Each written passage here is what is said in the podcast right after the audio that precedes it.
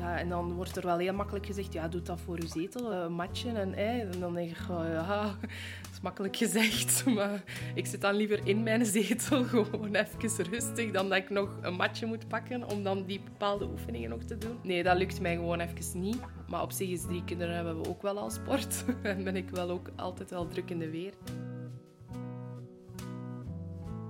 Dit is Veerkracht bij Gezinnen, een reeks van Gezinsbond podcast. We stelden een aantal ouders de vraag: wat betekent veerkracht voor jou? En gingen luisteren naar hun verhaal.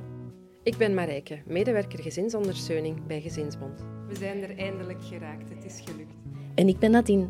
Zien we hoe het loopt. We gaan op bezoek bij Judith en Ibrahim. Karim, hun oudste zoon van vijf, doet de deur open. Zijn oogjes staan vochtig en hij heeft een lopende neus. Hij is ziek en blijft thuis vandaag. Af en toe vergezelt hij ons bij het gesprek. Ook Ibrahim kan nog even met ons meepraten voordat hij zich klaarmaakt om naar zijn werk te gaan. Bij een pot thee en koekjes praten we over de balans tussen werk en gezin, opvang van zieke kinderen, blijven communiceren met elkaar en het belang van een netwerk.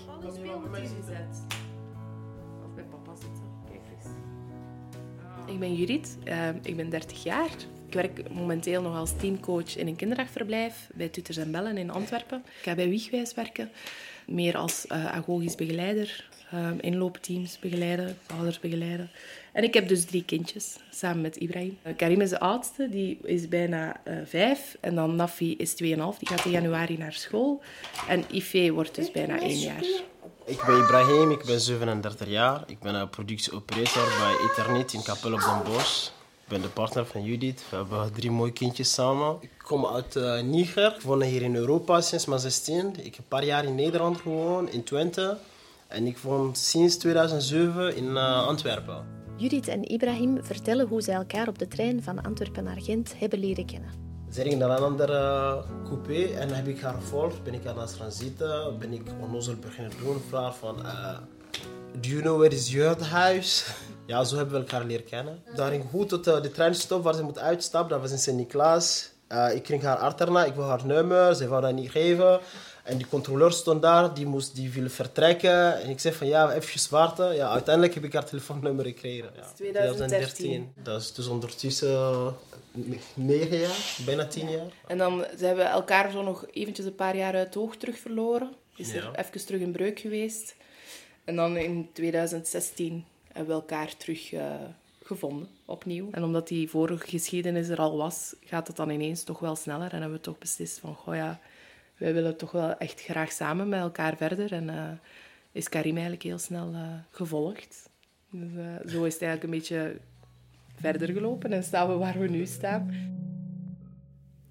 We vragen aan Judith en Ibrahim wat veerkracht voor hen als jonge ouders betekent. Hoe dat je in het dagelijkse leven bounced op alles wat, wat zich afspeelt. Bijvoorbeeld deze week, aan het begin van de week, was Nafi twee dagen ziek. Uh, hoe gaat je daarmee om in combinatie met je werk? Hoe gaan we dat oplossen? Wie gaat er nu weer thuis blijven of hoe kunnen we het opvangen? Uh, nu is Karim dan aan het einde van de week twee dagen ziek. Enkel woensdag zijn ze alle drie naar school en kinderdagverblijf kunnen gaan. Ja, dat zijn dan wel zo zaken dat je onderling ja, wel, wel ook goed over moet communiceren. En, en hoe dat je daar dan weer naar je werk over communiceert. Hoe dat je je netwerk rond u creëert. Dat zijn wel zaken die, uh, die pittig zijn. En dat is voor mij wel zo veerkracht op dit moment. En wat betekent veerkracht voor jou? Ik weet niet eens wat dat betekent, om eerlijk te zijn. Mijn, mijn kennis van Nederlandstaal is een beetje beperkt. Dus ik moet dat even googlen op een uh, woordenboek, dan kan ik dat vinden. Maar ik vind dat een moeilijk woord. Oké. Okay. Uh, veerkracht is het vermogen om te herstellen van stress en tegenslaar. Als er iets naars of verdrietigs gebeurt, kun je knap beroerd voelen. Dat is normaal. Sterker nog, het voelen en accepteren van je emoties is het begin van een veerkrachtige reactie. Dus dat, dat is veerkracht. Ja, dat is het exact, denk ik. Hè. Je, voelt van alle... Allez, je zit met de angst van hoe gaat mijn baas daarop reageren of hoe gaat mijn werkgever daarop reageren, mijn collega's. Hoe ga, ik heb afspraken staan, ik moet die afzeggen. Je zit zo met zoveel dingen in je hoofd die dan passeren, dat je denkt, ja, ik kan het eigenlijk niet maken om nu afwezig te zijn. En hoe ga ik dat oplossen en hoe ga ik dat opvangen en hoe gaan die reageren? Ook wel dat. Dat is ook weer zo'n stukje emotie dat terugkomt. Hoe, hoe krijg ik dat weer terug? Op dat vlak, ik mag echt niet klagen van mijn werkgever, want dat zit echt wel goed. Uh, werkt in een heel groot bedrijf, dus dat is al anders georganiseerd. Ik werk in een kleiner bedrijf, waardoor dat, dat ja, menselijker is het verkeerde woord, maar waardoor dat daar wel meer begrip voor kan getoond worden, omdat dat persoonlijker is dan in gigabedrijven waar je gewoon ja, goede, duidelijke afspraken nodig hebt om, om het in goede banen te kunnen leiden. Bij mij is het dan vaker zo van, oh ja, een berichtje van, ja, het is weer vandaag en potverdikken en ja, ik heb weer geen goestingen. En dan wel een reactie terug van, ah oh ja, Judith, ja, het is wat het is en, en we lossen het wel weer op. Karim was een huilbaby. Daarom was het eerste jaar best pittig voor Judith en Ibrahim. Dat jaar overleeft je, je gaat daardoor, je hebt weinig keuze ook, je moet. Maar het is ook zo pas nu bij de tweede en de derde dat je zo realiseert van... Amai, het was wel echt pittig bij hem. En ook bij Karim was het ons eerste kindje, wat ook al sowieso veel meer onzekerheid meebrengt. Je zit zo in een, ja, is dit normaal? Is dat bij alle kinderen? Of is dat nu alleen bij Karim? En je merkt dan wel aan je omgeving dat die ook wel zoiets hebben. Oei, dat is niet juist, dat klopt niet, dat kindjes zoveel wenen. Maar je, je kunt daar dan de vinger niet op leggen. Je weet niet van waar dat, komt, waarom hij zoveel huilt. En je probeert oplossingen te zoeken. Hè. Je gaat naar een osteopaat, naar de arts en je, zoekt naar oplossingen. En die komen er niet. En dat is ook wel heel, ehm, ja, gewoon heel pittig geweest en heel zwaar. Zo van, ja, hoe, hoe gaat het daarmee om? En ook weer met elkaar, hè. Ja, ik ben dan tot Karim vijf maanden was thuisgebleven. Ibrahim ging dan wel terug werken redelijk snel. En dat maakte wel... hij kwam thuis van het werk en ik had echt zoiets... Ja, alsjeblieft, doe er uw ding mee. Ik heb even nood voor mezelf. Maar hij had ook zoiets... Ja, ik kom thuis uit mijn werk. Ik moet ook even eten en bekomen en gewoon mezelf even. En dat was wel een hele moeilijke balans Dat was wel met de één kind, hè? Ja. En eigenlijk zo rond zijn jaar, omdat hij dan ook vlot kon stappen, omdat er dan wel wat frustraties weggenomen werden bij hem, is dat gebeterd, stilletjes aan. Maar Karim is nog wel altijd een heel gevoelig ventje. Het reguleren van zijn emoties, dat gaat heel gepaard met enorme explosies vaak. Driftbuien, iets wat herkenbaar is voor vele jonge ouders. Judith vertelt hoe het ook voor haar als ouder na een drukke dag soms wel heel moeilijk is om zelf rustig te blijven. Ja, bijvoorbeeld uh, twee weken geleden was hij de laatste op de nabewaking op woensdag. Ik kwam aan en hij was daar blijkbaar al een half uur alleen. Ik voelde hem al aankomen. En hij komt binnen, hier in huis. En de regel bij ons is schoenen uitdoen, jas aan de kapstok. Zo het riedeltje standaard bij iedereen, denk ik. En ik zie het direct aan zijn reactie. En hij gaat daar in een ja, modus. Hij ontploft letterlijk. Dus hij brult. En hij roept ook... En het eten is nog niet eens klaar ook. Dus echt zo'n bijna een volwassen reactie van... En ik heb als laatste in de nabewaking moeten blijven. En nu staat het eten nog niet op tafel ook. Dus hij begint daar te brullen. En hij gaat op de grond liggen. Met zijn jas nog aan, zijn schoenen nog aan, zelfs zijn boekentas nog aan, denk ik, alles nog Het heeft een half uur geduurd. Op de duur is ze zoiets, ja, maat, ik heb ook heel de dag gewerkt. Ik ben ook moe. En wat je soms ook wel een keer in een frustratie ook wel zegt van, ja, joe, want je wordt ook zelf bozer. Hè? Dat, dat probeer ik zelf wel onder controle te houden, maar dat is moeilijk. Maar ja, dat is voor hem, moest het er even allemaal uit. En dat is vier jaar. En dat is heel normaal. En ik weet dat ook, hè. Maar ja, op die moment, je zit ook in je emotie en je wilt ook gewoon doordoen. Ja, het leven. Op zo'n moment, wat zou jou dan kunnen helpen om er te kunnen zijn als mama? Eten voorbereiden op voorhand. ik denk wel dat organisatie key is hoor, op zo'n moment. Dat je toch een beetje voorbereid bent. Ja. Eigenlijk wil ik ook fruit eten. Ja, maar hier, eet jij mandarijntjes. Wat dat zou structureel helpen, is wat ik nu ga doen in mijn nieuwe job, denk ik. Ik ga nu eigenlijk hetzelfde aantal uren werken op vijf dagen. Dus dat mijn dagen korter worden, dat die momenten in de nabewaking en voorbewaking ook minder worden voor hen. En dat het op die manier ook meer ruimte komt om nog te koken, om nog even tijd te hebben, om nog een tekening te maken of even aan tafel nog een spelletje te spelen. Maar ik hoop wel op die manier ook wat meer balans te brengen en ook structuur. Dus structuur brengen en bieden, dat helpt enorm. En ik hoop door zo nu mijn nieuwe uurrooster dat we hem dan nog meer gaan kunnen geven. Je kunt niet constant alle ballen in de lucht houden en voor iedereen goed doen. Je ervaart deze verwachtingen wel vaak vanuit jezelf en door wat je rondom je ziet. Doe ik iets verkeerd? Dan gaat je de vraag wel terug bij jezelf leggen van, ben ik, ben ik verkeerd bezig? Wat, allee, hoe doen andere ouders dat? Het helpt als je begrip krijgt van je werkgever. Want je wilt wel gewoon uh, je job ook goed kunnen uitvoeren. En dat vind ik dan ook belangrijk om dat wel optimaal te kunnen doen en te kunnen doen waar ik achter sta. En daarom ga ik toch altijd proberen om wel te gaan, om dat schuldgevoel niet te moeten hebben. Ik weet dat dat niet nodig is.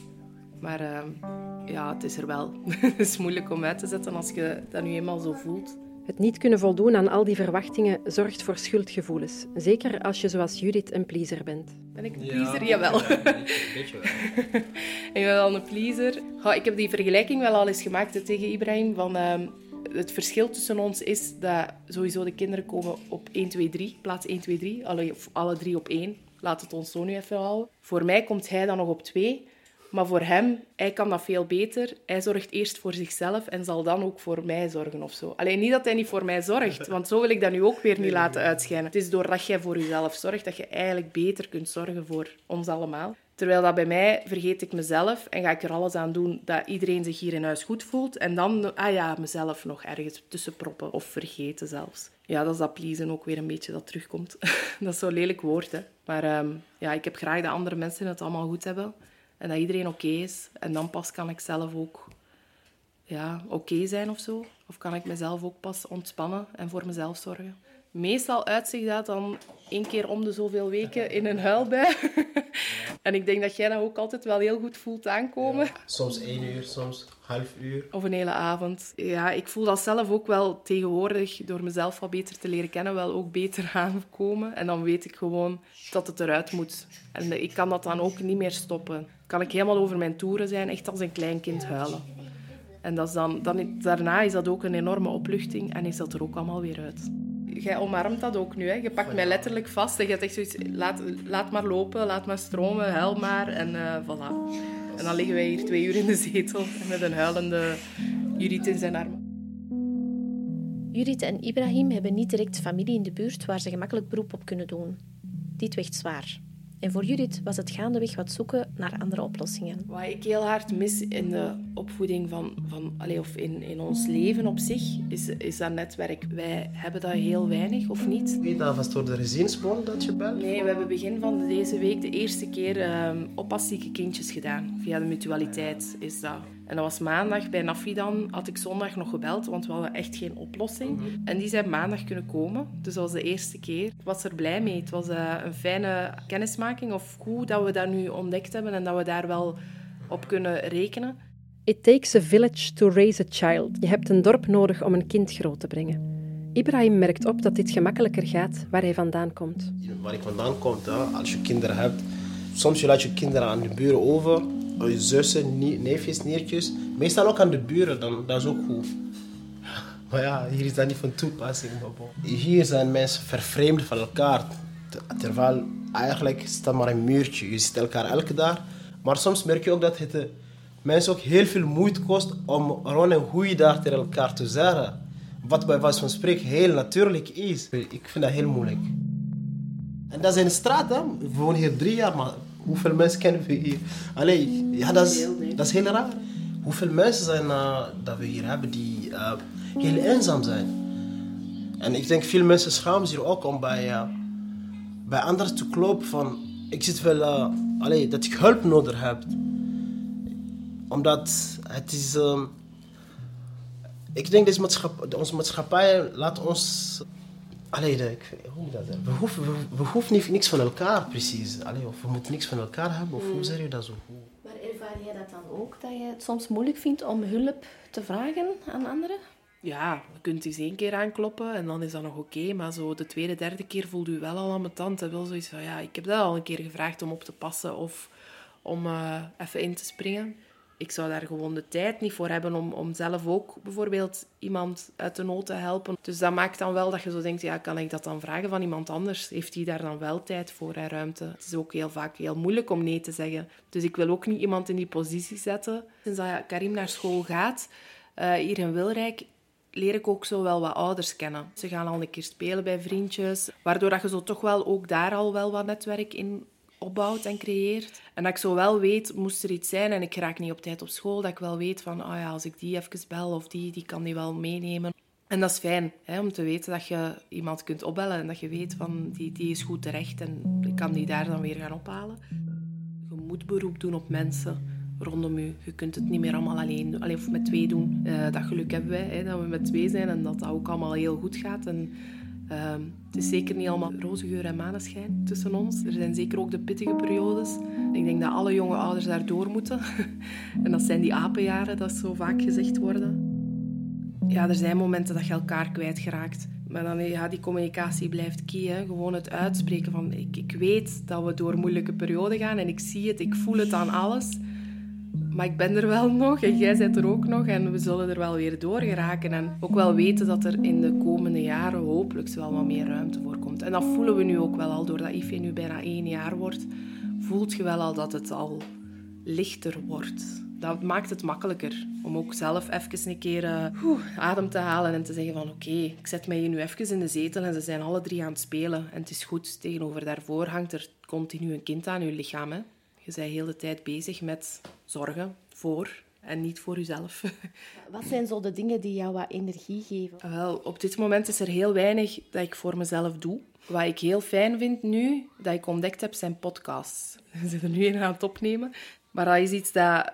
Ik vind dat heel gemakkelijk, want ik kan tegelijk... En dan klinkt het misschien onnozel als ik zelfzorg zeg, maar ik kan mijn, mijn wasmand oplooien terwijl ik ondertussen aan het luisteren ben naar een podcast. En ik ben even weg en ik zit helemaal in die wereld van die podcast op dat moment. En ik kan luisteren en ik, daar kan ik echt enorm van genieten. Je fysiek goed voelen versterkt je veerkracht. Slaaptekort zet dit erg onder druk. Ife slaapt niet door, Nafi slaapt niet door, Karim slaapt niet door. Helaas hebben we drie kinderen die niet goed slapen. Um, en heb ik dat wel opgelost door een familiebed te maken. Uh, we hebben een logeerbed tegen ons bed geschoven en aan de andere kant staat een co-sleeper voor dan Ife nog, voor de kleinste. En doorheen de nacht komen ze er gewoon allemaal bij liggen. En ik heb ook echt altijd zoiets van, leg u neer, slaapt, doe uw ogen toe en laat mij gerust. En zolang iedereen slaapt, is het mij goed. De enige regel die wij hebben, gestart in uw eigen bed. Maar doorheen de nacht komt iedereen erbij. Zelfzorg is ook soms je principes loslaten en het jezelf gemakkelijk maken. Ik heb dan echt gewoon de moed niet om op te staan en te zeggen: Kom terug naar uw eigen bed. Ik heb dat even geprobeerd uh, omdat Sinterklaas dat gevraagd had. Dat is niet gelukt. En dan heb ik het ook gewoon weer losgelaten. Ik dacht: Ja, laat het. Het is goed. En ik weet dat dat een gewoonte is die we gecreëerd hebben, maar ook ergens gewoon echt uit puur gemak.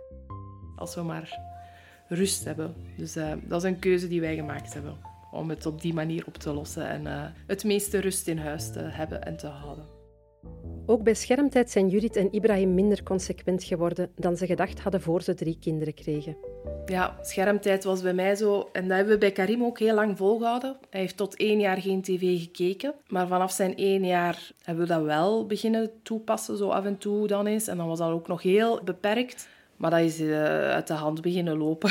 En dat is toch wel een heel makkelijk medium de dag van vandaag. We hebben een, een periode gehad dat we een tablet hadden voor hem. Maar dat liep zodanig uit de hand dat we daar helemaal geen controle meer over hadden. Um, en dan hebben we eigenlijk ook met twee gezegd, we stoppen ermee, die gaat weg. We konden het niet reguleren op dat moment of kregen het niet goed geregeld. Dus we zijn er ons wel nog altijd heel bewust van. Maar dat was wel iets waar ik vroeger voor kinderen heel stellig van zo, ja, mijn kinderen die gaan echt maar een bepaald aantal dingen kijken en niet van die rommel. En nu denk ik, ja, weet whatever, wat maakt het uit? Uh, als ze het leuk vinden en ze kijken ernaar, ja goed, kijk maar. Hè. Allee, dus dat is wel een stukje dat ik zeker losgelaten heb. En dat ik zo wel meer go with the flow. En uh, wilt jij dat kijken of wilt je Spider-Man kijken? Ja, goed, kijk maar Spider-Man. Zolang dat jij even een half uur rustig zit, prima. Ibrahim neemt afscheid om naar zijn werk te gaan. Waar sta je parkeren? Voor de deur, ga je direct zien. Er braaf zijn, hè? Daar. Tot vanavond. Eh, lief. Ben ik lief? Jij bent ook heel lief. Je bent super flink aan het wachten. Ja, je hebt dat echt wel heel goed gedaan, vind ik ook hoor. Want je hebt al lang gebabbeld, hè? Om af te ronden vragen we nog aan Judith of ze iets zou kunnen meegeven aan de toekomstige jonge ouders.